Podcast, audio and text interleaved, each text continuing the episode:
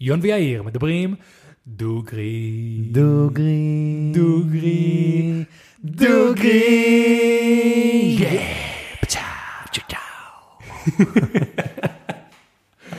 אהבתי את זה. כן, זה נשמע סבבה.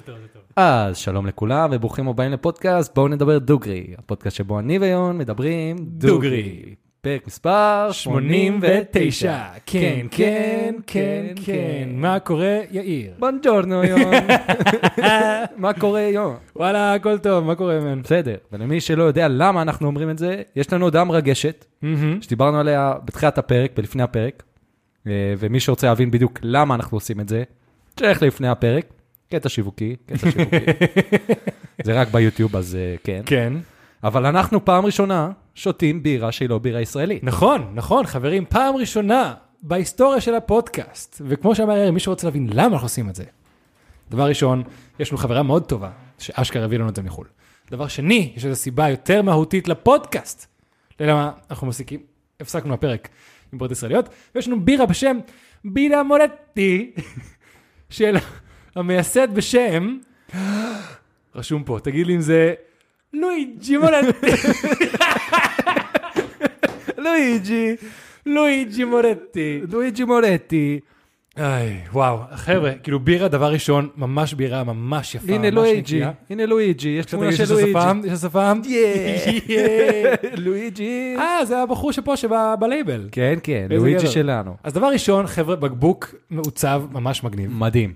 דבר שני, כמו שהוא אמר, יש פה גם תמונה של המייסד עם כזה כ- כוס בירה והכל, אבל יש לנו מידע, מה שנקרא, יותר ג'וסי, מאחורי הקלעים של בירה מורטי. יאיר, אתה רוצה לספר להם מה העניין של הבירה הכל כך יפה שנראית קראפט הזאת? אז אני אסביר לכם, בסופו של דבר, אה, יש לנו אה, מידע על זה שעד כמה שהדבר הזה נראה בוטיק, ומאוד, מה שנקרא בוטיק, ויש פה, אתה יודע, שנוסד בשנה כלשהי, ולואיג'י מורטי עם איזה... יש פה, כן. בסופו של דבר, זה של הייניקן. והכל שיווק. הכל שיווק. חברים, זה לא, עכשיו, למי ששואל, זה לא שכאילו היינקן קנתה איזה במבשלה, בוטיק, ולא. היינקן יצרה את הבירה הזאת, ופשוט שמה לה בקבוק ולייבל בוטיקי, כדי לנסות לכבוש שוק חדש. כאילו, עכשיו כל השוק של הבוטיק מתחיל להיות הרבה יותר פופולרי בכל העולם, של הבירות בוטיק. כביכול, אתה יודע, אתה שומע את, ה... את היינקן וכל מיני בירות שכאלה רגילות, ואנשים רוצים, מה שנקרא, דברים יותר מיוחדים. הבירות הגדולות אמרו, כן, אין בעיה, קחו בירה מיוחדת. זה עדיין שלהם. ובואו נראה אם זה טעים. יאיר, לחיים, אין. לחיי לואיג'י. לך אלוהיג'י.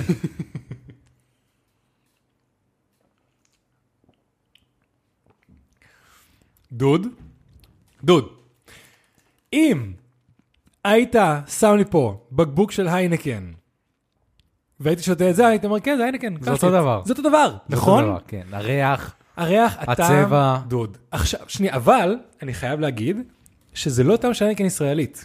נכון, זה זה חו"ל. זה חו- דבר ראשון, זה... אה, אנחנו כאילו... וואו, נכון. שכחתי מזה, זה, אשכרה חו"ל, כאילו זה לא מבשלה, לא, לא, לא. זה אשכרה מישהו הביא את הבקבוק מחו"ל.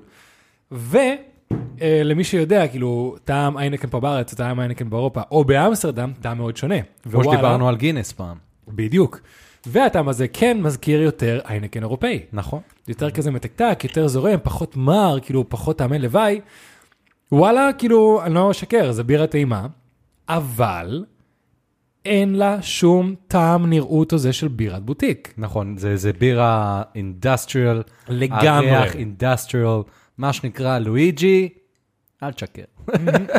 בדיוק. אה, כן, כאילו, יש לה כזה את ה... בוא נקרא לזה הדלילות של בירה industrial, ואני אגיד לך גם למה, כאילו, בגלל שזו בירה שמנסה להגיע לכל היעדים, ויש הרבה אנשים שאולי טובים איזה בירת בוטיק, וכמו שאנחנו חושבים פה, זה מר מדי, זה זה, אני לא אוהב, מה שנקרא, פשוט אוהבים בירות שהם יכולים בירה לכולם לצרוך, כזה. לצרוך, לצרוך, בדיוק. אז זה. אז הם מגיע, מגיעים, אומרים לך, היי חבר'ה, הנה בירת בוטיק וזה, אתה שותה ואומר, וואי, אני אוהב בירות בוטיק. לא! אתה אוהב איינקן, אחי. אה, אז כן, אז דבר ראשון, ממש ממש אחלה חוויה עכשיו לטעום את הדבר הזה. היה אה, מסקרן, היה ממש תודה מסקרן. באלנה שהביא לנו את הבירות. וזה? ספתח מעולה. אה, רק קטן, אנחנו, זה לא שאנחנו מוותרים לגמרי על בירות ישראליות, אנחנו משלבים גם כן, את פשוט כל הבירות עכשיו, כולם מתקבלים פה. מה שנקרא פתחנו את השוק, כן. פתחנו את האופציות, אה, שזה ממש מגניב, כי אני עוד שנייה טס לספרד, אני יכול להביא בירות משם, יאיר אה, טס לתאילנד, יאיר יכול להביא בירות משם, אה, מה שנקרא בוא ניתם. אה, נכון, ואם אתם טסים לאנשהו ויש לכם בירה מגניבה משם. אנחנו תביאו נעריך את לנו זה- כן, שתי בירות. נכון. תמיד שתי בירות. תמיד שתי בירות. לא, אבל פה זה מספיק. 500. זהו, פה זה כאילו, זה אפילו לא שליש, אפילו לא חצי, זה 550 מיליליטר. יאללה. אז כן, אחלה דבר, אחלה דבר. אה, אני לא אשקר, כאילו חבר'ה, יש, הסיבה שאנחנו גם פותחים את זה החוצה, זה מתסכול לא קטן של תעשיית הבירות בישראל, רגע, שנייה, אבל אתה הורס לכולם, הם צריכים ללכת ללפני הפרק. ש... זה, זה בדיוק המשפט הבא. אה, כאילו, אני רוצה להביא איזה, איזה הוק, כדי אה, אוקיי, שיבינו, אוקיי. כאילו, חבר'ה, יש, יש סיפור מאחורי זה. אתם חייבים, כדי לשמוע מה הבעיה פה, ללכת לפני הפרק, כי חפרנו מספיק שם, זה סיפור לא קצר, תקפצו לשם ותחזרו לקטע הזה עכשיו. יפה, תודה רבה, תודה שחזרתם. אה, וזהו. וכן, יאיר, אז מה קורה? שמע, יש אה, משהו מגניב של אה, אמזון, ש- נראה לי דיברנו על זה פעם, לאו דווקא בשל אמזון, אבל בהקשר כלשהו, שהם מנסים לפתח עכשיו דרך שאתה תוכל, אם יש לך קבצי אודיו של מישהו.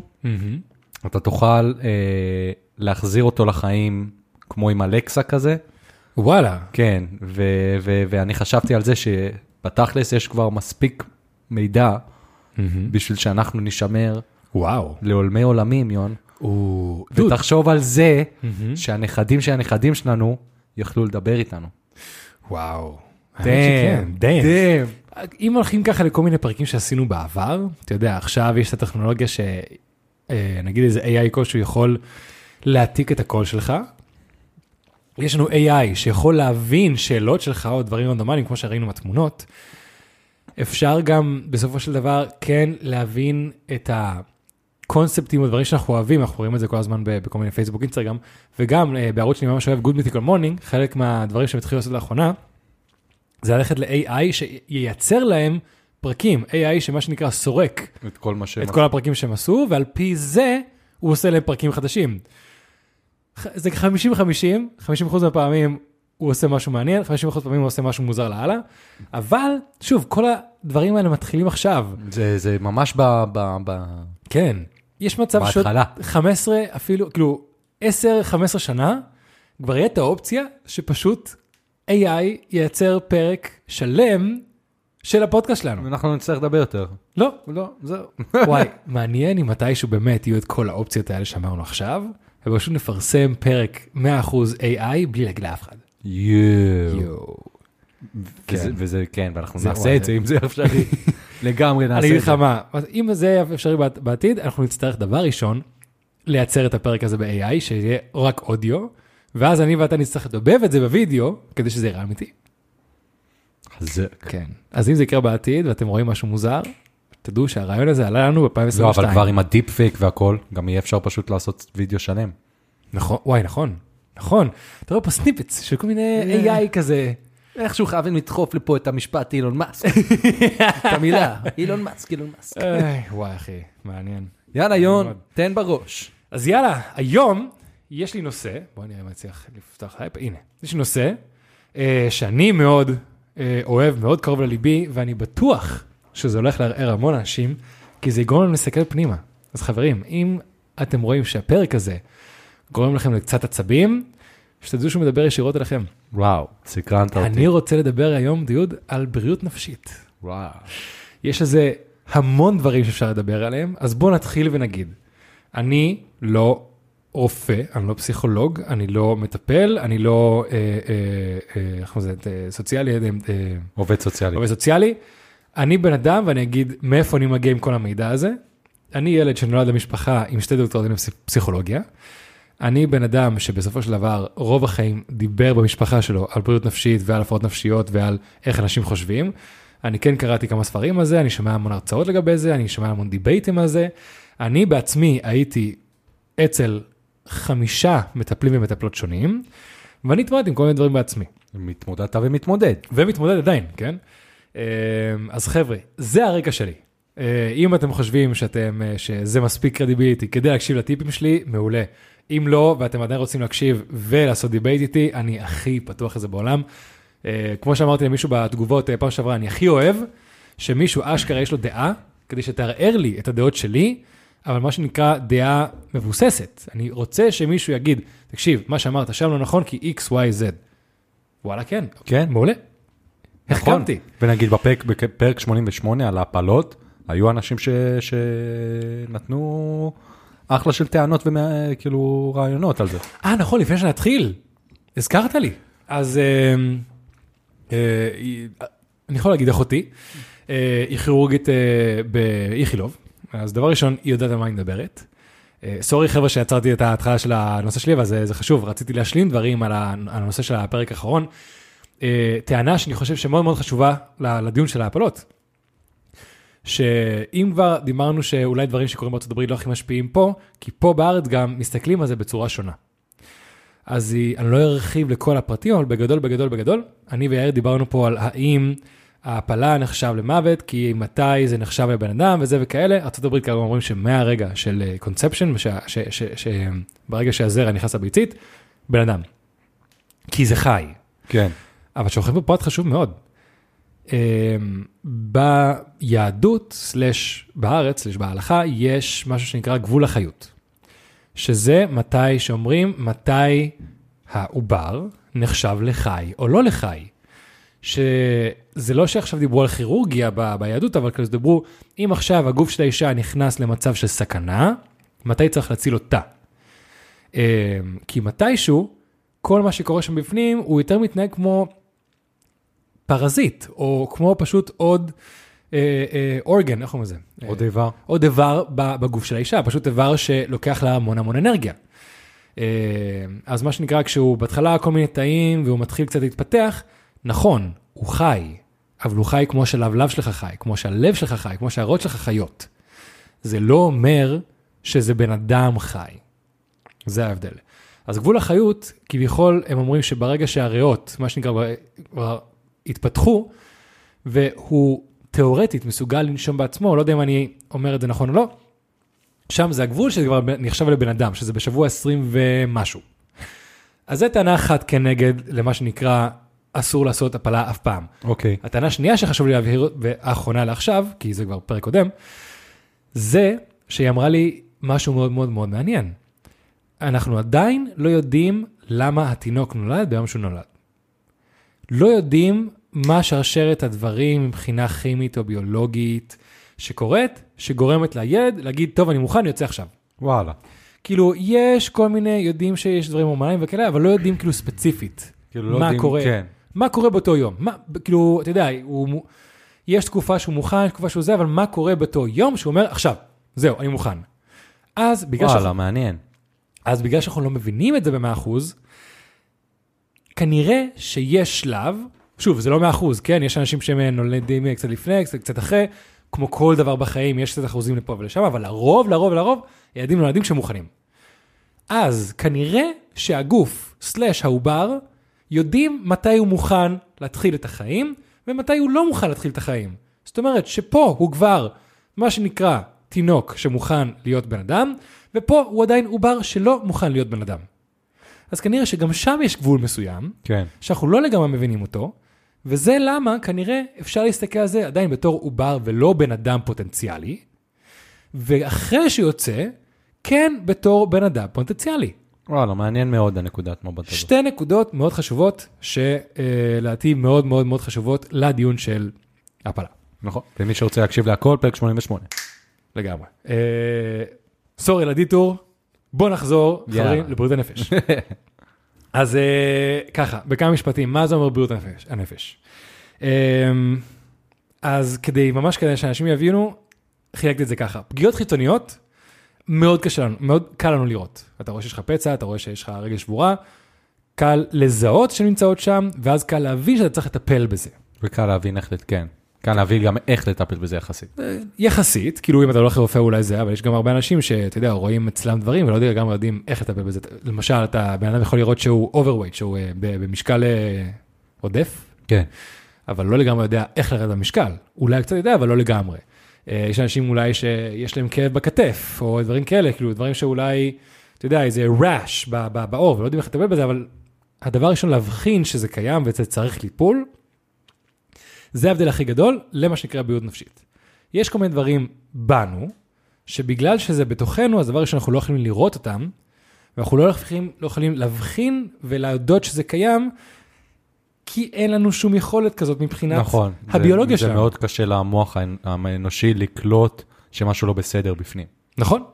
אה, ובנוסף לזה גם יש קצת, בחברה שלנו קצת סטיגמה, סטיגמה רעה כלפי מה שנקרא הפרעות נפשיות או קושי נפשי כלשהו. כן. עזוב, הפ- הפרעה. בקטע של, כן, אם יש לך הפרעה נפשית או קושי נפשי, אתה כנראה משוגע. אז עכשיו יאיר, האם לך יש סטיגמה כלפי אנשים שאומרים שיש להם קשיים נפשי, נפשיים? זאת אומרת, כשמישהו אומר לך שיש לו דיכאון, או יש לו חרדה וזה, אני יכול להגיד לך שאצלי המון זמן, ועדיין יש לפעמים, אה, את העניין של, טוב, אתה קצת מגזים, אחי, או אתה כנראה כאילו, זה, אין לך באמת איזה הפרעה נפשית. או, או כנראה, קצת להסתכל בתור בן אדם משוגע. אתה יכול להגיד ש... האם אתה יכול להגיד שאצלך עדיין קיים כזה איזה קונספציה של, ברגע שמישהו אומר לך שיש לו קושי נפשי, שאולי הוא מגזים? ההפך, אני חושב שיש הרבה אנשים שחושבים שאין להם כלום, והם לא מבינים שיש להם. וואלה. כן. או, זה נקודה מעניינת. מבחינת סטיגמה אין לי, כי... כי ה- יש לי אנשים, הרבה- היית בא אליי לפני כמה שנים, הייתי מסתכל על זה אולי אחרת, אבל תוך כדי החיים, גם איתך וגם עם אה, קרובים אחרים שלי במשפחה, שהבנתי שיש להם בעיות, אז לגמרי למדתי להבין מה זה אומר, לא, אתה יודע, אני לא יודע הכל, אבל למדתי לקבל את זה ו- ולהבין שזה, שזה, לא, שזה לא משהו רע, זאת אומרת, זה משהו שאפשר, אם בן אדם רוצה לטפל בו, זה בסדר, כאילו, אפשר לעשות עם זה הרבה דברים, ו- וזה לא סטיגמה כאילו בקטע רע. כן. אה, אז דבר ראשון, מה שאתה אומר זה מאוד בוגר מצדך. אה, הלוואי וכולם יהיו כמוך. אני יכול להגיד לך שיש עדיין הרבה אנשים שמסתכלים על בריאות נפשית בקטע של, של פשוט, ברגע ששומעים את זה, זה יותר קשור לשיגעון. כנראה שאתה משוגע, יש לך איזה בעיה כלשהי. זה לא בעיה כמו שיכול, כאילו, לפחות אני רואה את זה בתור, יש בעיות שהן כמו מה שנקרא שריטה, אתה יכול לטפל בזה שנייה, או פשוט דברים יומיומיים. או דברים הרבה יותר עמוקים, כמו למשל מישהו שנולד בלי איזה איבר, או מישהו שנולד עם איזה קושי מולד כלשהו נפשי. כן. אה, אז כאילו, מה שנקרא, בספקטרום הזה יש את כל האופציות. אה, אבל כמו שאמרנו, בגלל שזה נפשי וזה פנימי, הרבה יותר קשה להבחין בזה והרבה יותר קשה להתמודד עם זה. האם אתה גם חושב אולי שיש עניין מגדרי בקונספציה לגבי אה, אה, בריאות נפשית? זאת אומרת, אם מישהי אומרת לך שהיא קשה לה, או היא מדוכאת, או היא חרדתית, או אם מישהו אומר לך שהוא מדוכא או חרדתי, האם אתה רואה את זה שונה? אמ, וואו, אני חייב להגיד שאני נראה לי, לא יודע אם להגיד להעריך זאת המילה הנכונה, כי זה יישמע כאילו אני, אה, אבל כאילו אני מרגיש שלגברים הרבה יותר קשה להיפתח בנושאים האלה.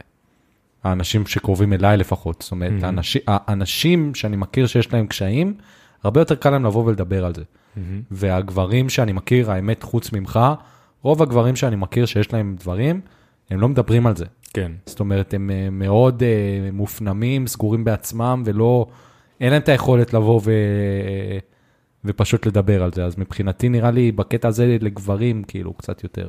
כן, האמת שדבר ראשון, אני יודע שאני תמיד הייתי מאוד, אה, בן אדם מאוד רגיש, או בן אדם יחסית, כאילו, ספר פתוח עם הרגשות שלו. אבל נראה לי שגם אולי בגלל שאני גדול פיזית, יותר קל לי להיות אה, אה, חלש נפשית מול האנשים. וואלה, מה זה אומר?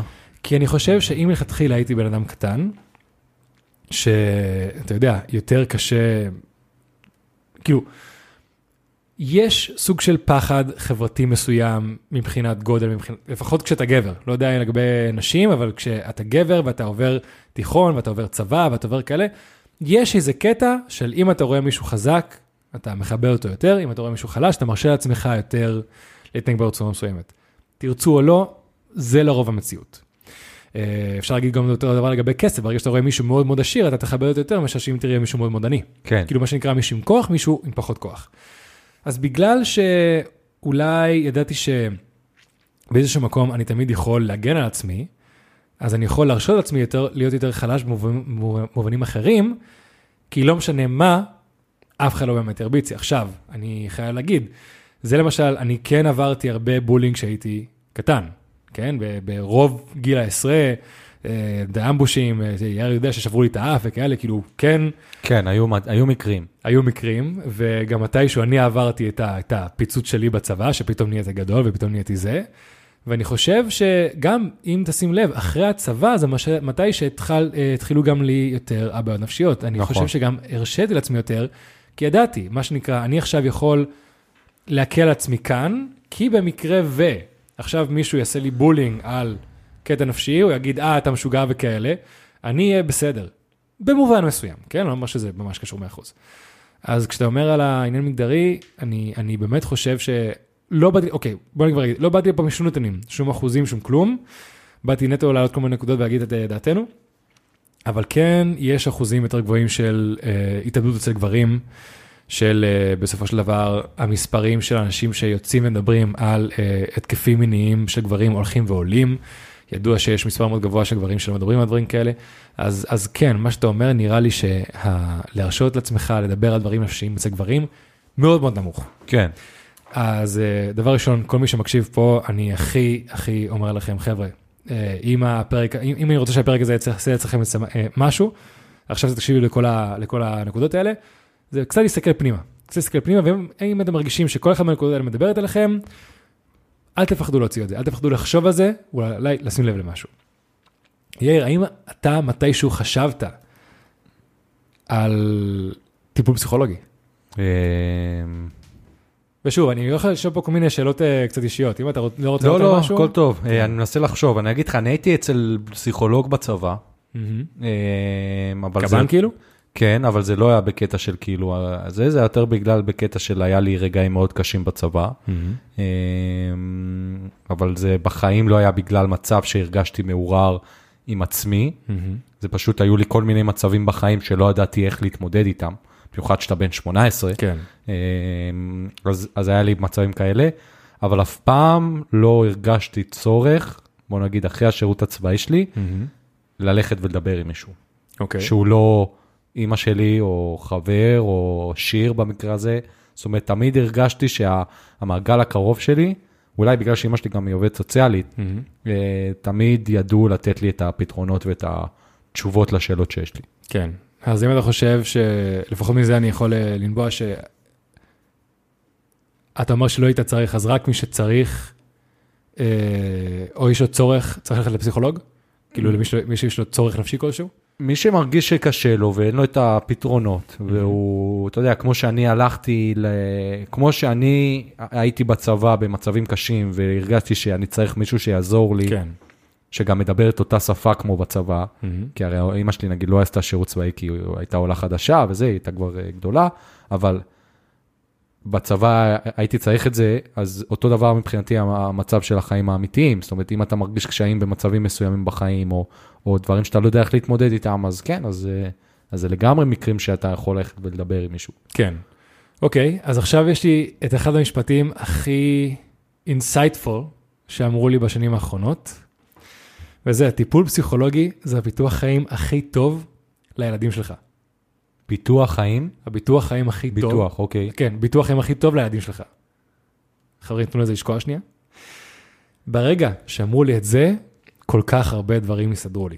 דבר ראשון, בגלל ש... אה, אה, אתה יודע, אני מרגיש שיש הרבה דברים ש...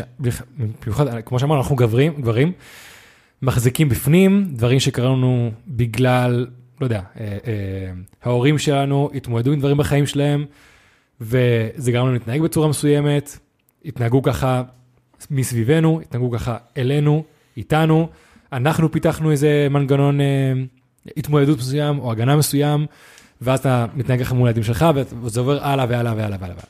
וברגע שאתה אשכרה הולך למישהו, ואתה שם לב לדברים, מעלה דברים, יודע מה המקור שלהם, יודע מה לעשות איתם, אתה לא מעביר את המשקל הזה הלאה. כן. לא רק זה, לא רק שמבחינתך אתה לא מעביר את זה הלאה, אם לילד שלך עולים דברים, אתה תדע איך להתמודד עם זה בצורה יותר בריאה. דבר ראשון, לא ללחץ מדברים. דבר שני, לדעת איך לעזור לו. אז חברים, אני אה, אה, בא לפה כדי להגיד שאני ממליץ לכולם ללכת לטיפול פסיכולוגי. צריך או לא צריך, אני חושב באמת שטיפול פסיכולוגי זה כמו לטפל בתזונה שלך. לא רק מי ש... אה, אה, מרגיש שהוא צריך. בתת משקל או אובר משקל, צריך לטפל בתזונה. גם אנשים בריאים צריך לטפל בתזונה. לא רק מי שבמצב, לא בכושר, צריך לעשות כושר. גם מי שבכושר צריך לשמור על כושר. אז כמו עם כל הדברים האלה, אני חושב שכולנו, לפחות בתקופה מסוימת בחיים, צריך ללכת לפסיכולוג, לשלושה חודשים, חצי שנה, שנה, כמה זמן שזה יהיה, רק כדי להבין קצת מה הולך בפנים. אתה יודע, אני חושב שלמשל כשאתה עושה כושר, דבר ראשון, כושר זה מה שאתה יכול לראות עליך. אתה יכול לראות שינויים במשקל, במראה, אתה יכול לראות, אה, להרגיש שינויים בשינה שלך, בכל מיני דברים. אה, ובטיפול פסיכולוגי אתה פחות שם לב לשינויים בשבוע, בשבועות הראשונים או בחודשים הראשונים. דברים שלוקחים יותר זמן. כמו שאמרנו, כאילו, יש דברים חיצוניים שאתה שם לב אליהם, דברים פנימיים. אני חושב, אבל, שטיפול, ההשפעות של טיפול פסיכולוגי משפיעות להרבה יותר זמן, והרבה יותר לטובה לך ולאנשים שסביבך, מאשר כושר. אוקיי. זה הדעה שלי. אמ, מבחינתי, אני תמיד, כשהיה לי קשה, הפתרון שלי היה כושר. אה, זה ה... אני לא, כמו שאתם רואים, אני לא בן אדם גדול, או בן אדם סופר שרירי, זאת אומרת, בקושי יש לי קוביות בבטן, אבל אני מתאמן כל הזמן. אני מבחינתי, הסיבה שאני מתאמן זה, זה בעיקר האלמנט הפסיכולוגי, הלפרוק, העוזר לי לחשוב, עוזר לי להיות בפוקוס, ואלה האלמנטים שתמיד היו, היו בשבילי שם. זאת אומרת, גם שיר היא בשלב מסוים, בהתחלה היה לה מאוד קשה עם זה שאני מתאמן וזה, אבל בשלב מסוים היא פשוט הבינה, כאילו, מה זה היה לה קשה? היא תמיד תמכה בזה שאני מתאמן, אבל היו רגעים שכזה, לא, אני חייב להתאמן, אני חייב להתאמן, וזה היה לה מוזר בהתחלה. אה, אבל עכשיו היא לגמרי הבינה שאני צריך את זה, שזה חלק ממני. כן. אה, אז אני כן רואה את, ה, את האלמנטים של הכושר כמשהו שהוא לגמרי דרך לפרוק הרבה מאוד בעיות או קשיים פסיכולוגיים שיש, זאת אומרת קשיים פנימיים שיש. אה, נגיד אני עצבני, אחרי האימון אני הרבה יותר צ'יל. קשה לי משהו בעבודה, אני מרגיש לחוץ, מרגיש מוזר, זה, זה עוזר לי ממש אה, לשחרר את זה. כן. אה, ואני אגיד לך שהבעיה מבחינתי, אני בכיף הייתי הולך ומדבר עם מישהו. כן. אבל אני לא מרגיש מספיק צורך לדבר עם מישהו, שזה יהיה שווה את הכסף שזה עולה. כן, האמת שפה בארץ? פה בארץ זה לא זול בכלל. כן. ממש לא זול בכלל. וגם יש פתרונות של מכבי וכל זה, אני יודע את זה בשוב פעם בגלל קרוב משפחה שלי, אבל זה, זה, זה לוקח שני, חודשים עד שהם מביאים לך מישהו. גם, וגם אני חושב שאצל מטפלים פסיכ... פסיכולוגיים, כאילו כל מטפל שהוא, כמו שאמרנו שאני חושב שהשפעות הן יותר טובות לטווח יותר גדול, יש גם סיכוי גדול יותר להשפעות לא טובות. אם אתה הולך למישהו שלא יודע מה הוא בדיוק עושה. מה הוא. עושה. אה, ואני חושב ששם באמת שווה השקעה של זמן ושל כסף, אה, ללכת למישהו שיודע על מה הוא מדבר. כן. אה, שזה באמת, כאילו, זה באמת השקעה, כמו שאתה אומר, זה השקעה שלא כולם יכולים להרשות עצמם. כן. מה שאני אומר פה עכשיו, זה לא משהו שכולם כנראה עכשיו ישימו בטופ של הרשימה שלהם, אבל זה לגמרי משהו שאני ממליץ, גם אם אתה חושב שיש לך קשיים וגם שלא, מה שנקרא, מתישהו בחיים, שווה לנסות. שווה לנסות. כן. Uh, עכשיו, גם רציתי לדבר על עניין של, דבר שמה שאתה אומר לגבי הכושר, זה 100% נכון. כושר עוזר להתמודד עם מצבים נשיים, נקודה. האם זה פותר אותם? לא. אבל לא. כמו שאתה אומר, זה עוזר להתמודד איתם. אה, ה... אני לא יודע איך להגיד את זה בעברית, האיגוד הלאומי של פסיכולוגים באמריקה, אה, מוציא כזה כל שנה סוג של כל מיני אה, אה, הערות או, או, או אה, רשימות ו insights חדשים, וכזה גם מוצאים כזה רשימות של אה, למשל ה top חמישה או ה top עשרה דרכים הכי מומלצות להתמודד עם אה, אה, אה, דיכאון, דיכאון בינוני, דברים כאלה, או OCD, כל מיני. כן. וכל שנה, כל שנה, מה שנקרא למיילד depression, אה, דיכאון בינוני, קוראים לזה בעברית, לא יודע. נגיד, אה, המקום הראשון או השני זה תמיד כושר אירובי. הליכה, ריצה, שחייה, אופניים. זה לא אומר שכושר אנאירובי לא עוזר, אבל כאילו זה תמיד המקום השני. זה באמת עושה משהו בגוף, עושה משהו בפיזיולוגיה, שממש עוזר לפרוק את המערכת עצבים, הורמונים, מפריש הורמונים, כאילו מלא מלא מלא דברים. אז אנשים שממש קשה, כזה, לא מי שעכשיו כאילו ממש צריך טיפול תרופתי או זה, כאילו אנשים שפשוט יש להם, אה, קשה להם ביום יום, קשה להם בשבוע שבוע, והם מרגישים שהם כזה, קשה להם לצאת מהמיטה או כאלה. אמ, זה מאוד מאוד עוזר. עכשיו, זו הערה חשובה שאני חייב להגיד, זה קצת מעגלי. כי כושר יכול לעזור לך ברגע שאתה כבר מחוץ למיטה. זה לא מה שיוציא אותך מהמיטה. אבל ברגע כאילו שאתה מצליח לצאת מהמיטה, כאילו, אני קורא לזה המיטה, כן? לא, זה לא, לא באמת אומר שאולי הוא במיטה, אבל כאילו ברגע שהוא במצב הזה, כן, ב mode. לצאת- כן, ב mode, אה, אתה לא יכול להגיד למישהו, כן, צא לעשות ריצה. זה לא יעזור בשום צורה, בשום דרך. אבל ברגע שאתה מצליח לצאת מה mode הזה, להתחיל ליצור איזה pattern, איזה דפוס יומיומי או כמה פעמים בשבוע של כושר אירובי, יכול למנוע לך לחזור לעמוד הזה. כן. אבל זה מאוד מאוד קשה. עכשיו, רציתי להמשיך לדבר על העניין של פסיכולוגים, מבחינת אה, אנשים, מה שנקרא, כל, כל בן אדם לעצמו. אה, אז רשמתי לי פה ש... אה, כן, מאוד קשה להבחין אה, בעצמך, כי יש לך... אה, אוקיי. זה מה שרציתי להגיד. אה, יש אנשים, כמו שאתה אומר, שאומרים, אני צריך, אני לא צריך, רק למי שיש לו צורך. עכשיו, הרבה, כמו שאמרת בהתחלה, אתה אומר שיש יותר אנשים שלא יודעים שהם צריכים טיפול, מאשר אנשים שיודעים שהם צריכים טיפול, נכון? כן. אז אני רוצה לחזק את העמדה הזאת. הרבה אנשים שאומרים, לא נראה שאני צריך, לא זה, לא כאלה. דבר ראשון, אתה לא יכול להגיד לעצמך. כי קשה מאוד להבחין על עצמך אם אתה צריך, אם אתה לא. כי כמו שאמרנו מקודם, זה מאוד קשה, אפילו הייתי אומר, לקראת בלתי אפשרי לעשות אבחון על עצמך, מכמה סיבות עיקריות. דבר ראשון, יש לך דעות קדומות על עצמך. אתה כביכול יודע דברים שעברת, יודע דברים שאתה עובר, אתה אומר שאתה מכיר את עצמך בצורה מסוימת, אתה מכיר את עצמך כל שנות חייך. ודבר שני, אה, אתה, אתה רק רואה את הכוונות שלך. מה זאת אומרת? אני ואתה עכשיו מדברים, אתה יודע מה אתה מרגיש ומה אתה רוצה להוציא, אני מקבל את מה שאתה בסופו של דבר הוצאת, בלי הקונטקסט ובלי הסאבטקסט ובלי שום דבר. אז יש אנשים למשל שאולי עבר להם יום לא משהו, או הם קצת רגישים כרגע, ויכולים לנהל שיחה ולהישמע מאוד מאוד מתגוננים, או מאוד מאוד תוקפניים. וכאילו זה, זה לא הייתה הכוונה שלהם, אבל ככה זה יוצא. כן. אז מה שבן אדם השני מקבל זה התגוננות סלש תוקפנות, והוא יענה בהתאם. וזה התחיל, זה כדור שלג, של כאילו שיחה שאף אחד לא רצה מלכתחילה. אבל כנראה שבן אדם שמקבל את זה, לא יגיד לך, היי אחי, אתה תוקפני, או היי אחי, אתה מתגונן. אני לפעמים עושה את זה, אבל רוב האנשים לא, פשוט אנשים, עזוב אותי בשקט, או די, או למה אתה ככה, כאילו, חלאס. כן. אז גם רוב האנשים לא יכולים להביא לך איזה מראה כמו שצריך. אז אם אתה לא יכול להבחין, להבחין בעצמך, או לשים לב לעצמך, וגם רוב האנשים שמסביבך לא יגידו לך שום דבר, זה גם למה אני אומר, מתישהו בחיים אתם צריכים לנסות פסיכולוג. כי מה פסיכולוג עושה בעיקר? שם לך מראה. אומר, תקשיב, זה אתה. ככה אתה מתנהג, ככה אתה עושה, הוא לא יגיד לך את זה, אתה תגלה את זה בעצמך, אבל שם לך מה שנקרא מראה על הרגשות שלך, ולרוב פשוט נותן לך אישור. כן. לדברים. זה הרעיון הגדול. זה למה אני אומר לכל האנשים שאומרים, אה, לא צריך, אני לא זה, תנסו מתישהו. פעם אחת בחיים, מתישהו, תחשבו על זה, שימו את זה איפשהו ברשימה ב-to-do list. תנסו. ועכשיו, אמ, לנושא היותר חשוב שרציתי אשכרה לדבר עליו היום, זה מדיה חברתית ובריאות נפשית. אוקיי. אוקיי, שפה נראה לי הדברים נהיים יותר מסובכים ומשתמשים, מש- משתבשים בעיקר. אז בואו נתחיל עם שאלה, יאיר, האם אי פעם חשבת שיש לך הפרעה? מה זה אומר הפרעה? ADD, ADHD, OCD, דיכאון, כל. השמות האלה. אה, לא, לא משהו שאני יכול להצביע עליו, אתה יודע. לא משהו לא. ספציפי, לא. לא אתה- משהו שאני יכול, כאילו, אתה יודע, מדי פעם אני בבאסה, יש לי ימים קשים, כן. כמו כל בן אדם, לפעמים אני כזה במשהו, אבל אין משהו, בוא נגיד, ש...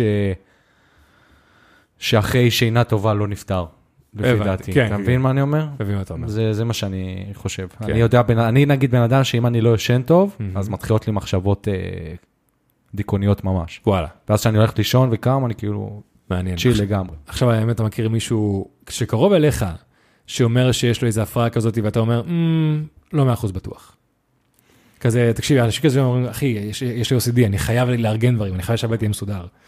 או אחי, יש לי איזה ADHD, אני לא מצליח להתרכז בלעשות עבודה, או קשה לי לעבוד כמה שעות ברצף. אני חושב שיש הרבה אנשים, גם אני שמעתי על זה משהו פעם, שחיזק את, את המחשבה שלי, שהרבה אנשים היום אה, חושבים שיש להם הפרעות קשב וריכוז, ואין להם באמת הפרעות קשב וריכוז. בבאם.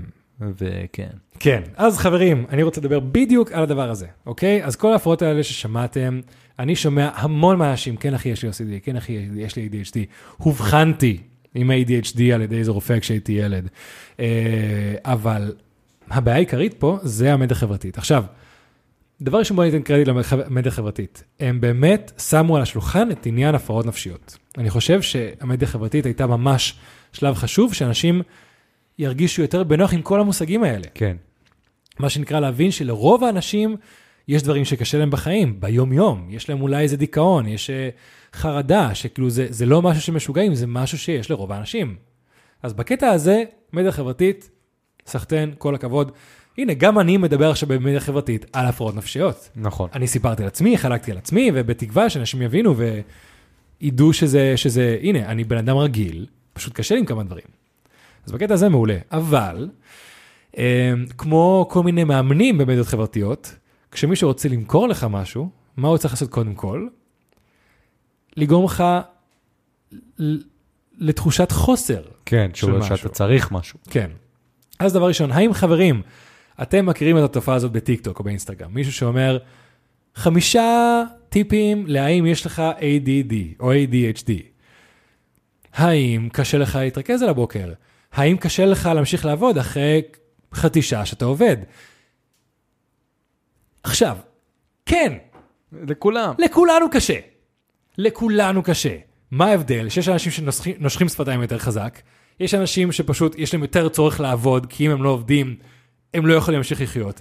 יש אנשים שמסתירים את זה יותר, יותר בקלות, את הקושי הזה, אבל לכולם קשה לעבוד. אז הם מתחילים עם כל מיני סימפטומים שלכולם יש. כן. יש את זה גם לאנשים עם ADHD, אבל יש את זה גם לכולם. האם uh, כשאתה רואה משהו זה לוקח את התשומת לב? כן, לרוב האנשים. אתה זה, ואתה חוזר, והכל בסדר.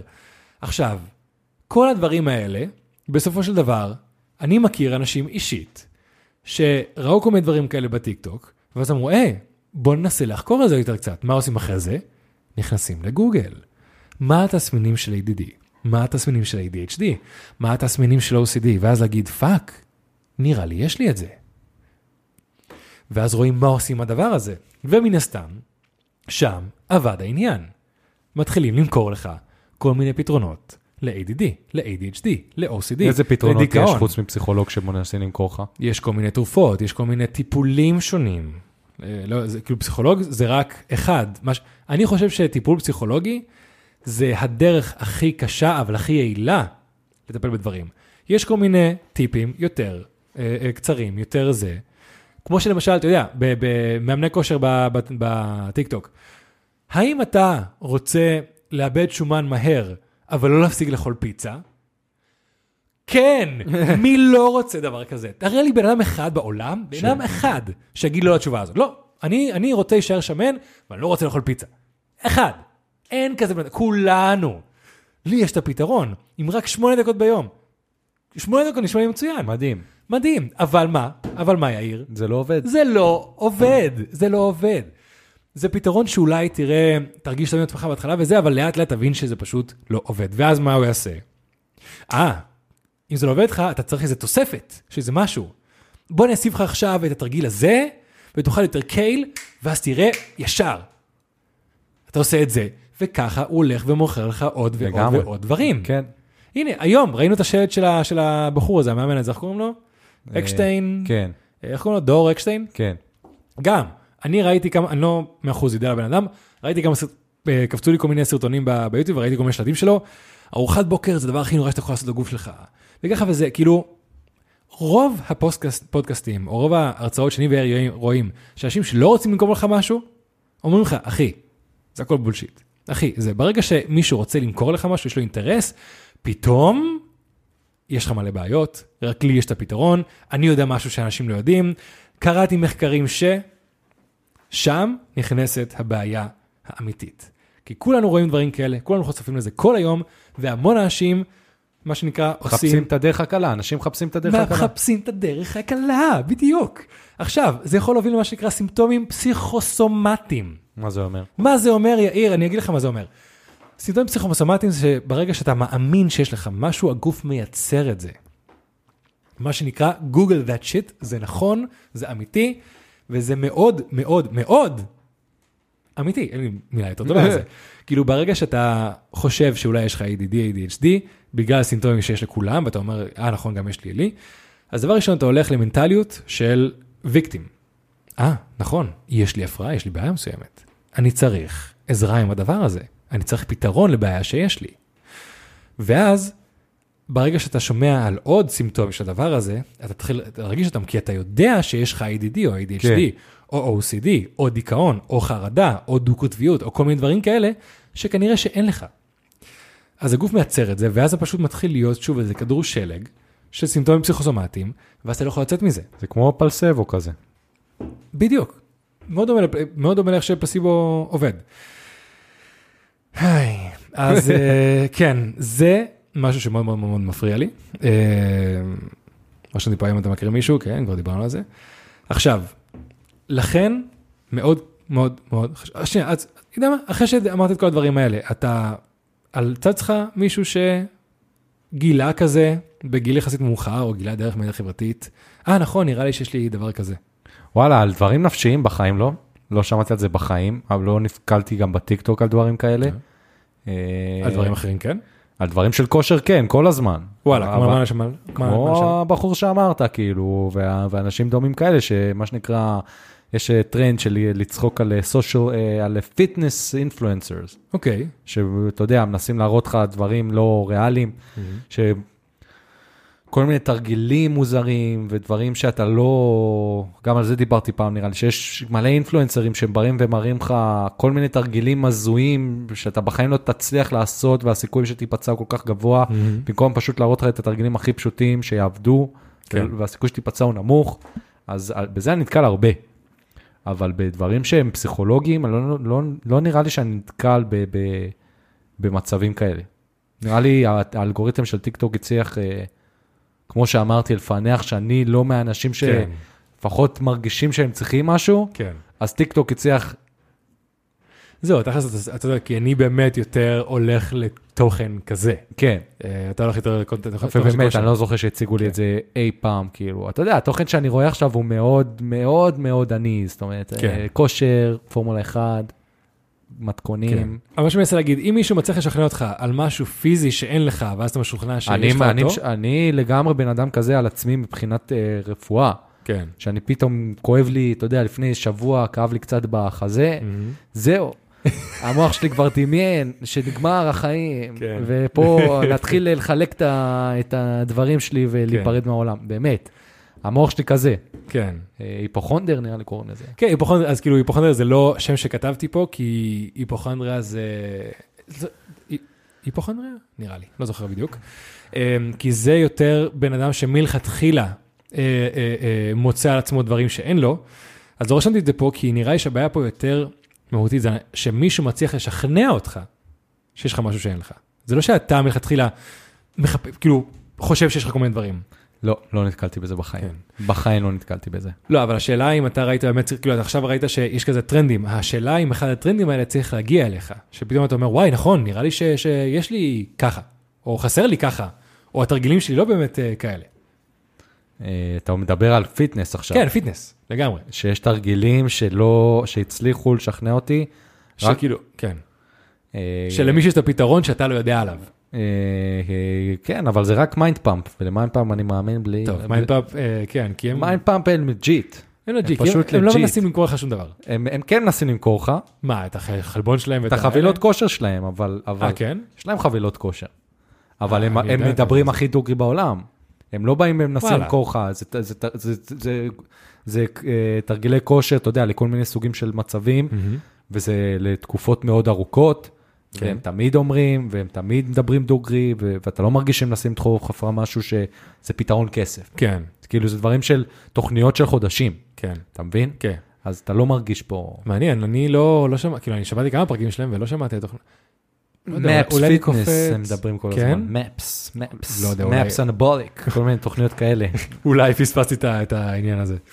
אה, אז מן הסתם, אחרי כל מה שאמרתי, וכל מה שירדתי על כל ה-OCD וזה, לא ירדת על אף אחד. כל מיני אנשים שחושבים שיש להם ובעצם אין להם, שזה, אני יכול להגיד לך, רוב האוכלוסייה... אבל לא חושב, לא חושב, כאילו לרדת זה כאילו בקטע רע. אני לא חושב שעשית את זה אני- בקטע רע. לא עשיתי את זה בקטע רע, אבל אני באמת חושב שיש הרבה אנשים שעכשיו יגידו, לא, לא אחי, אבל באמת יש לי, ואני יכול להגיד להם, אחי, סורי, לא, ושזה הכי פוגע בעולם. כי ברגע שאתה מגיע למנטליות של יש לי בעיה, אתה באמת יכול להיכנס למנטליות של, כמו שאמרנו מקודם, של ויקטים, איך אומרים את זה בעברית? קורבן. של קורבן. שכאילו עכשיו, כאילו, סורי, אני לא יכול לעשות ככה וככה, כי יש לי OCD. אני לא יכול לעשות ככה, כי יש לי ADD. אני לא יכול לעשות ככה. לא, אחי. אתה פשוט מתרץ סיבה במקום להתאמץ. נכון, זה קשה. נכון, זה דורש מאמץ. אולי אתה פשוט לא אימנת את השריר הזה בשנים יותר קדומות, ואתה צריך לש- ל- ל- לאמן את השריר הזה בגיל יותר מבוגר, אבל זה המצב. אז כאילו, אני חושב שכל הכותרות האלה מקשות על הבן אדם באמת לעשות עבודה כמו שצריך, ומקשות על הסביבה שלו. כן.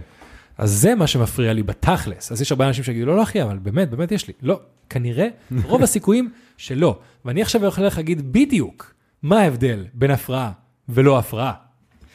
אז חברים, וואו, וואו, כן, וואו. כן, כן, כן, כן, אני חושב שזה עניין רציני, כי בסופו של דבר גם העניין של, אני, אני חוזר על ADD הרבה, בגלל שזה בסופו של דבר מגיע לילדים.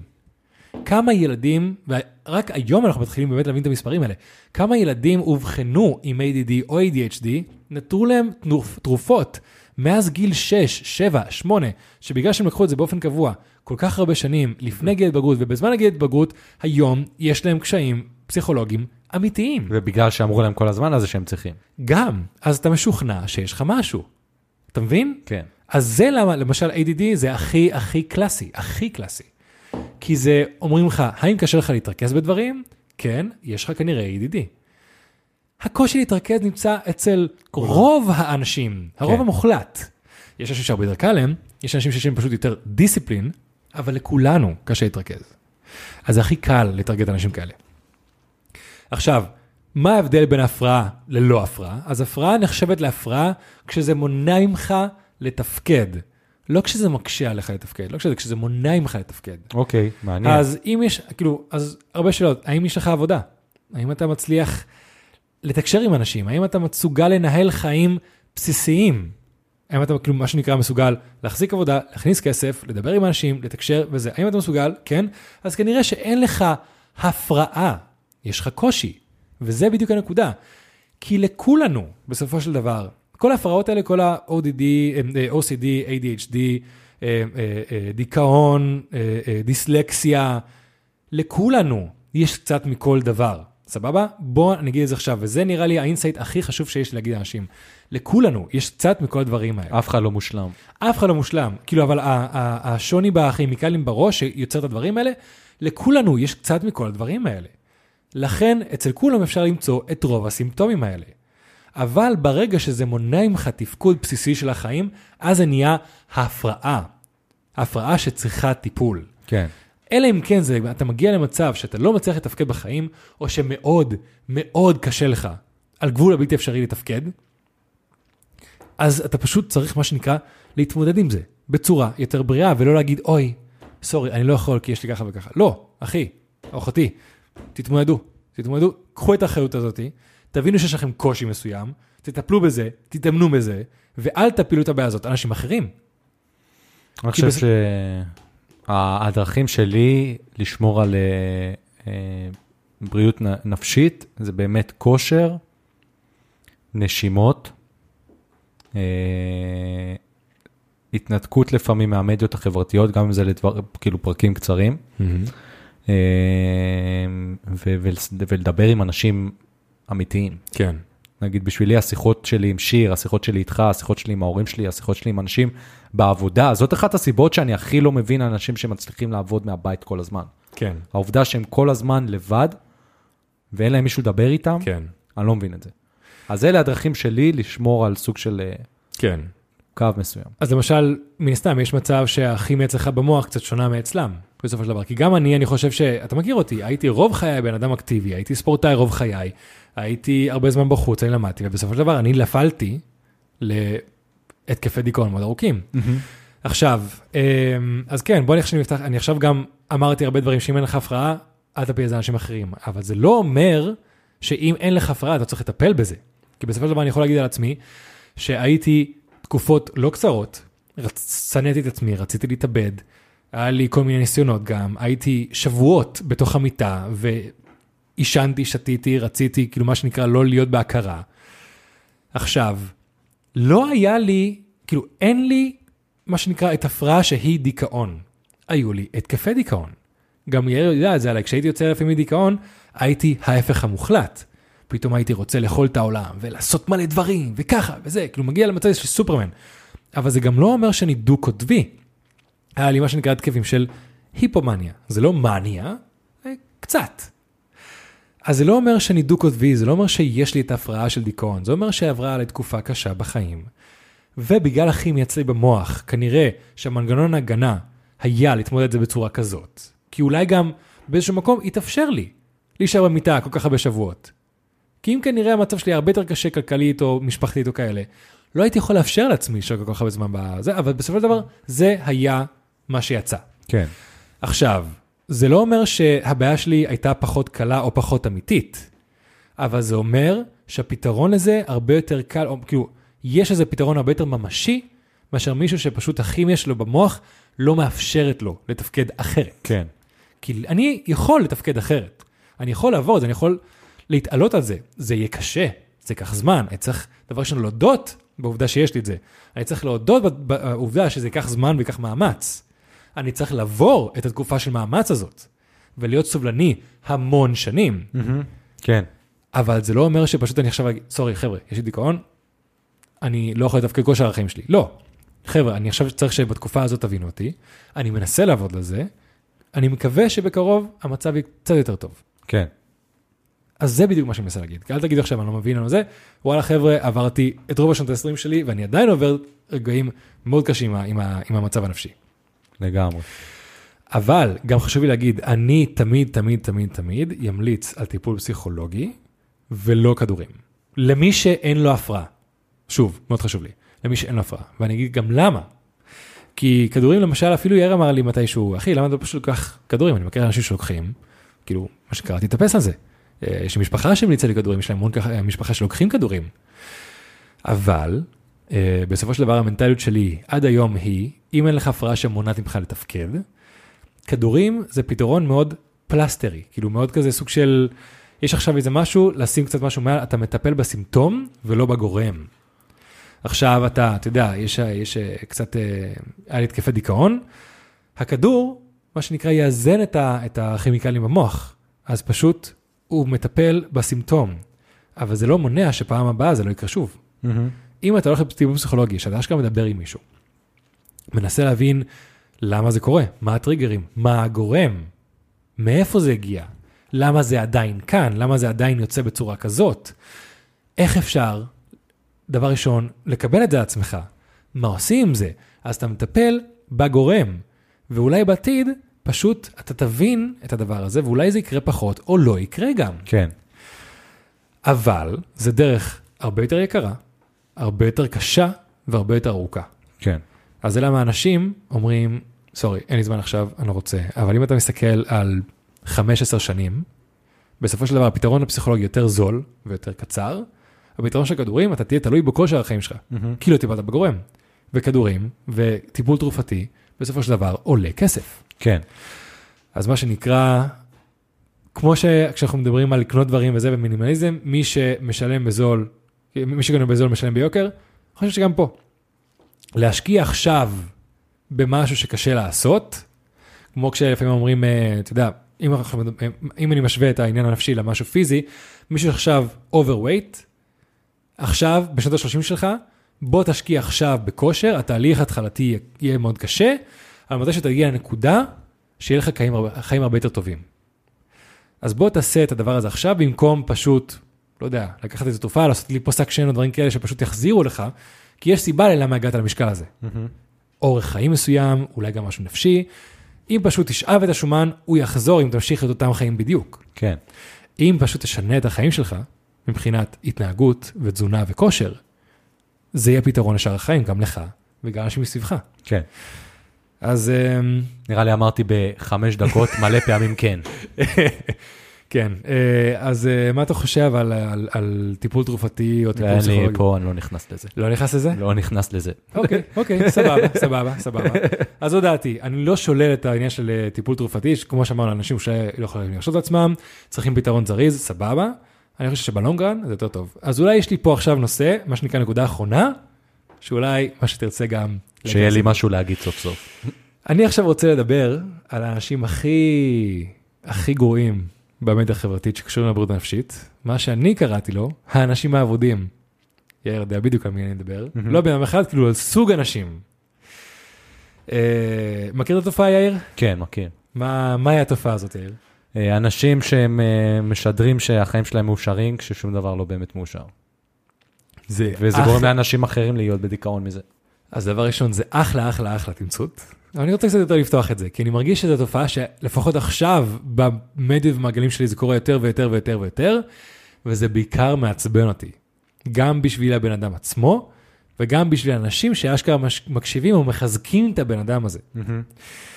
וזה אולי החלק האחרון וקצת יותר קומי של העניין הזה, כי אני מרגיש שזה אנשים ש... חבר'ה, אם אתם מקשיבים לי עכשיו, ואתם רואים שאתם עושים את הדברים האלה, אז סורי, כן, אתם האנשים האלה ואתם צריכים קצת יותר להסתכל פנימה, כי משהו פה לא בסדר. לדעתי, צריך לדעתי תמיד. אז ככה, אה, יש עכשיו התופעה החדשה של כל מיני אנשים מומחים, סבבה? רשמתי פה אנשים שגילו את עצמם. אה, אנשים שקראו מלא ספרים ומאמרים ולמדו דברים על עצמם. שקראו ספר אחד, יותר נכון. שאולי קראו, שאולי שמעו טיק טוקים ואז כאילו התחילו להפנים את זה על עצמם. מה שאני קורא, אנשים אבודים. עכשיו, כל מיני טיפים חברים לאיך לזהות אותם. כנראה שכולנו, כל מי שלא בן אדם אבוד, יודע בדיוק, בדיוק על מה אני מדבר, כי לכולנו יש אנשים כאלה בפיד, אבל אם אתה עדיין לא יודע על מה אני מדבר, זה הטיפים שלך לזהות. כל שבועיים יש להם הערה חדשה לגבי החיים שלהם. אני שמתי לב שזה בערך כל שבועיים. כל שבוע, שבועיים, פתאום גילו איזה משהו חדש על כאילו העבר שלהם, או על נשימה, או על מדיטציה, או כאילו פתאום כאילו, הפתרון החדש לחיים. כל שבועיים בערך. נותנים טיפים והוראות לחיים, למרות שאין להם שום הכשרה בעניין. לא למדו פסיכולוגיה, אין להם תואר בפסיכולוגיה, אין להם תואר בעבודה סוציאלית, אין להם זה, אבל הם מדברים עליך כאילו הם יודעים הכל. אני קראתי, אני יודע, אני זה. יש איזה משהו, איזה טכניקה בשם ככה וככה, שאתה מבין, מה שפסיכולוגים בעצם עושים, זה וזה, שמע, יון, מה? זה, מה שתיארת את זה עכשיו, זה נשמע כמוך. כמוני? כן. למה? אני, אתה רואה אותי מעלה פוסטים לא, לאינסטגרם? ממש לא, אבל מה ש... כל הפרק שדיברת עד עכשיו, איך נכון. שתיארת את זה, זה בדיוק מה שאמרת עכשיו. נכון, אז דבר ראשון, אתה צודק, לכן היה לי מאוד מאוד חשוב להתחיל את הפרק עם להגיד מה ההכשרה, מה, מה, מה ההכשרה שלי, מה הרקע שלי, מה אני יודע, ומה שנקרא, אם אתם מחליטים לעקוב אחרי הטיפים, סבבה. אני מדבר על אנשים שבאופן קבוע, כל יום, כל יומיים, כל זה, מעלים את זה פוסט של 15 פרקים, מעלים איזה סטורי של כאילו הם עושים מדיטציה, או הם כאילו מדברים לקהל של מה, איך הם צריכים לשנות את החיים שלהם. אני באתי והתחלתי ואמרתי, כי ברגע שכתבתי את הקטע הזה, אמרתי, fuck, כל הפרק שלי נשמע ככה. כן. כל הפרק שלי זה זה. זה למה התחלתי ואמרתי, חברים, זה מה שאני עברתי, זה מה שאני יודע. וגם, לכן לא היה, מאוד רציתי להימנע משמות וציטוטים ומספרים, כן. כדי לא להגיע לפינות האלה. אבל נכון, אתה צודק, יש פה קווים מאוד מאוד מאוד מגבילים. Uh, תודה לאל, אין לי הערה חדשה כל שבועיים ושאני אומר אומר לעולם, כי אני באמת חושב שאני לא כזה מבין הרבה. דבר הבא, רוב המשפטים שלהם מתחילים בכולנו, או רובנו, כשמדברים על עצמם. כולנו עוברים רגעים של... לא, אחי, אתה עובר רגעים כאלה. רובנו מבינים של... לא, אחותי, את מבינה. כאילו, דברי באני, לא ברובנו הכולנו. מאוד חריפים כלפי כל ביקורת שתאמר עליהם, במקום להקשיב, שזה גם שמתי שזה לב. מנגנון הגנה פסיכי. לגמרי. אז אם אתה, אם אתה או את חושבים שאתם יודעים הכל, ומישהו פתאום, אתם מעלים איזה פוסט על איזה הערה חדשה, שאומר, חבר'ה, כאילו זה לא בדיוק ככה. יש פה בן אדם שתוקף אותי, והוא לא יודע, ומנסה להפיל אותי. זה לא באמת התנהגות של מישהו שבטוח על מה הוא מדבר. כן. אם הערה אחת ישר תפיל אותו, במקום להביא איזה תשובה מלומדת חזרה, אתה אומר... או פשוט להתעלם. או פשוט להתעלם. כן, אז זה דבר ראשון. וטיפ אחרון לאיך לזאת האנשים האלה, חברים, בטוחים שהם יודעים הכי טוב על עצמם ומה הם צריכים, שכמו שאמרנו, הנקודות הראשונות, אתה לא יכול ב-100% לעשות הבחנות על ידי עצמך. אז אם אתה כל הזמן מעלה דברים, כל הזמן יש לך הערה חדשה, אתה לא מקבל, שום, לא מקבל לטובה שום ביקורת, ואתה חושב שאתה עושה לעצמך אוטודידקציה ואתה מאבחן את עצמך בלי שאין לך הכשרה אמיתית, וגם אנשים עם הכשרה אמיתית לא יכולים לעשות את זה עצמם, פסיכולוגים אמיתיים הולכים לפסיכולוגים אחרים. אז אה, אחי, אחותי, אה, סורי להגיד לכם, אבל אתם חלק מהאנשים האבודים האלה שצריכים ללכת לטיפול אמיתי ולא אצל מישהו שנותן לך פטריות. כן, סורי. כן. ואתם יודעים מי אתם. אתם לגמרי יודעים מי אתם. אני בטוח שאם אחד האנשים האלה מקשיב לפודקאסט, הוא, הוא או היא ישר יבואו אליי בטענות. אה, וסורי, אבל אני חושב שבאמת האנשים האלה עושים יותר רע מאשר טוב, וזה אנשים שצריכים להפסיק. כי יש אנשים שעלולים לקחת אותם ברצינות. לגמרי, לגמרי. אה, אז כן, שתי החלקים האחרונים, אה, שמתי לב שהיו יותר מונולוג מכל דבר אחר. אבל אה, זה באמת אה, נושא שמאוד לא, קרוב נושא לליבי, מאוד חשוב, נושא מאוד חשוב. מאוד קרוב לליבי, מאוד חשוב, ואני ממש התרגשתי לקראת להגיד לך את האמת. כן, זה נושא מאוד חשוב, כן. דיברת פה מאוד בכנות, דיברת על דברים שהם מאוד אה, חושפניים, ואני מעריך אותך על זה, יון, באמת, כי גם חשבתי שאני ואתה פה קיצוניים מאוד שונים. כאילו, מאוד אני, קיצוניים. אני חושב שכאילו לגמרי פסיכולוגים לגמרי זה, ואתה כאילו החיבור שלך להפרעות נפשיות כאלה הרבה יותר רחוק ממה שלי יש עם עצמי. נכון. כן. אה, עכשיו, האם שכנעתי אותך באיזשהו מקום לחשוב על ידי ללכת לפסיכולוג? לא, בכלל בכלל? זה לא. לא בטודוליסט? לא. אוקיי. אני אגיד לך, כי יש לי קשיים בחיים, כן. יש לי דברים שמפחידים אותי, יש לי שריטות, אה, אבל אני באמת מרגיש שכל הדברים ש, שקשים לי עד היום, הצלחתי לפתור בשיחות עם עצמי ובשיחות עם האנשים שקרובים אליי, אוקיי. ובהרבה כושר. זה אני. כן. אה, לא הגעתי לשום מצב שבאתי ואמרתי fuck, כאילו, אני לא יודע מה לעשות ואף אחד לא יכול לעזור לי, אני חייב לדבר עם מישהו רציני. כן. זה לפחות אני. אה, בכיף הייתי יושב עכשיו עם פסיכולוגים, זה עולה לי 20 שקל לשעה. כן. הייתי מדבר איתו על החיים שלי ומתכנן הלאה, וכזה, זה, זה, זה מאוד כיף, אבל כן, אבל כשזה עולה 650, 450 שקל לשעה, לא, זה, זה השקעה יותר אה, מסובכת. כן, כן. כן. אה, לגמרי, לגמרי. כן. אה, אז זהו חברים, זה הנושא שלי היום. אני מקווה שאולי כן הצלחתי להגיע למישהו. אני בטוח שיהיה. אנשים שתגיע אליהם. באמת שאני חושב שזה פרק מאוד מאוד חשוב שעשית, כן. ואני באמת חושב שיהיה אנשים שאולי לא יהיה להם נעים לדבר ב- ב- ב- ב- בקומנטס ביוטיוב, אבל שלחו לי עוד הודעות, דברו איתו על זה, כאילו... כן, לגמרי. זה, זה משהו שאני חושב שלדבר על דברים כאלה זה, זה לגמרי זה. כמו שאני אמרתי, אני מדבר עם אנשים על דברים שקשים לי, מהמם. כאילו, כל כן, אחד. אז למשל, אתה מרגיש הרבה יותר פתוח לדבר עם אנשים. אני פחות מרגיש פתוח עכשיו להתחיל להפיל את כל הדברים של מישהו אחר. אני לא אומר שאתה מפיל את כל הדברים, כאילו, אבל כאילו, מבחינת הקושי שיתוף, לי מאוד קשה. תראה, מה זה הקושי? אה, כל עוד אני מרגיש שהבן אדם, כל בן אדם שאני פונה אליו, זה כי באמת אני חושב שהוא יכול לתת לי עצה שתעזור לי. יש מצבים שאני בא ומדבר עם מישהו רק כי בא לי לפרוק. אני כן. מרגיש שבא לי לפרוק, וברגע שאני אפרוק, זה, זהו, זה ישחרר את הלחץ. ברור. אבל אני לא עכשיו אבוא ואדבר עם מישהו על דברים שאני יודע שהוא לא יכול לעזור לי בשום צורה, וסתם להפיל עליו עכשיו תיק. ברור. דרך אגב, של לפרוק זה גם כאילו משהו, חלק מהטיפול הפסיכולוגי. זה מאוד חשוב. ברגע שאתה שם דברים במילים, כאילו, זה עובדה, אוקיי, זה עובדה שאנחנו, מה שנקרא human beings, חושבים בדיבור. אתה יכול לחשוב עם עצמך, אבל אתה לא באמת יכול להגיע לשום הבנה או שום מסקנה, אם תשאיר את זה בפנים. כן. לרוב, כן? ברגע שאנחנו שמים את זה במילים, אנחנו אשכרה מבינים דברים. עזוב, אנחנו כן. מדברים בעצמנו, בקול רם. אבל ברגע שזה בחוץ, אתה מעכל את זה לגמרי אחרת. כן. אז סתם לפרוק אפילו לחבר, עושה את כל ההבדל בעולם. ברור. כן. אה, דרך אגב, שיש לי חברה ממש טובה, שאני מכיר אותה, היא מאוד כאילו extrovert, ופשוט כל פעם שיש לה כל בעיה, היא פשוט פורקת את זה מול אנשים. עכשיו, היא בן אדם עם המון קשיים, המון בעיות, אבל בגלל שהיא כל הזמן, כל הזמן, כל הזמן מרגישה פשוט חופשייה לפרוק את זה, כי היא מרגישה גם בנוח עם הרבה אנשים, היא בן אדם מאוד חברותי, אז פשוט דברים אף פעם לא נשארים במצב ולא נבנים. כאילו, אני לא אומר שאין לה דברים בכלל, יש דברים כמו לכולנו, אבל רוב הדברים ישר החוצה. כן. שזה אחד התכונות שהלוואי והיה לי. כן. הלוואי. כן, מגניב.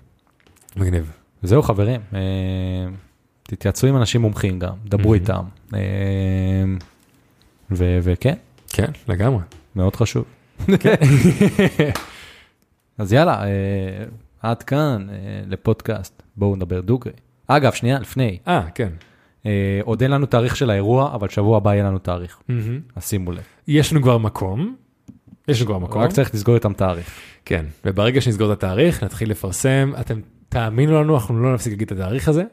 ואתם, אה, אה, ותבואו, למה זה יהיה אש. ואני לא, לא, לא משקר, אני, אני גם אמרתי ליאיר, אני קצת מתחיל להתרגש, סלש לפחד אה, לקראת האירוע. אני מתרגש מאוד בקטע מדהים. הלו, יאיר כאילו כמו ילד, היה שם וכאילו לגמרי באטרף. אני, אני, אני, אוף. כן. לדבר מולכם חבר'ה? הדבר ראשון בואו כולם, דבר ראשון בואו כולם. יש מקום לכולם, זה מקום עם אחלה של פיצות. אחלה של פיצות, ומקום ממש חמוד. אמ, ולא, יהיה טירוף, יהיה ממש כיף. כן. כן. וזהו, עד כאן לפודקאסט, בואו נדבר דוגרי. פודקאסט שבו אני ויון מדברים. דוגרי. פרק מספר 89. יאללה ביי חברים. סלמת חברים. דוגרי!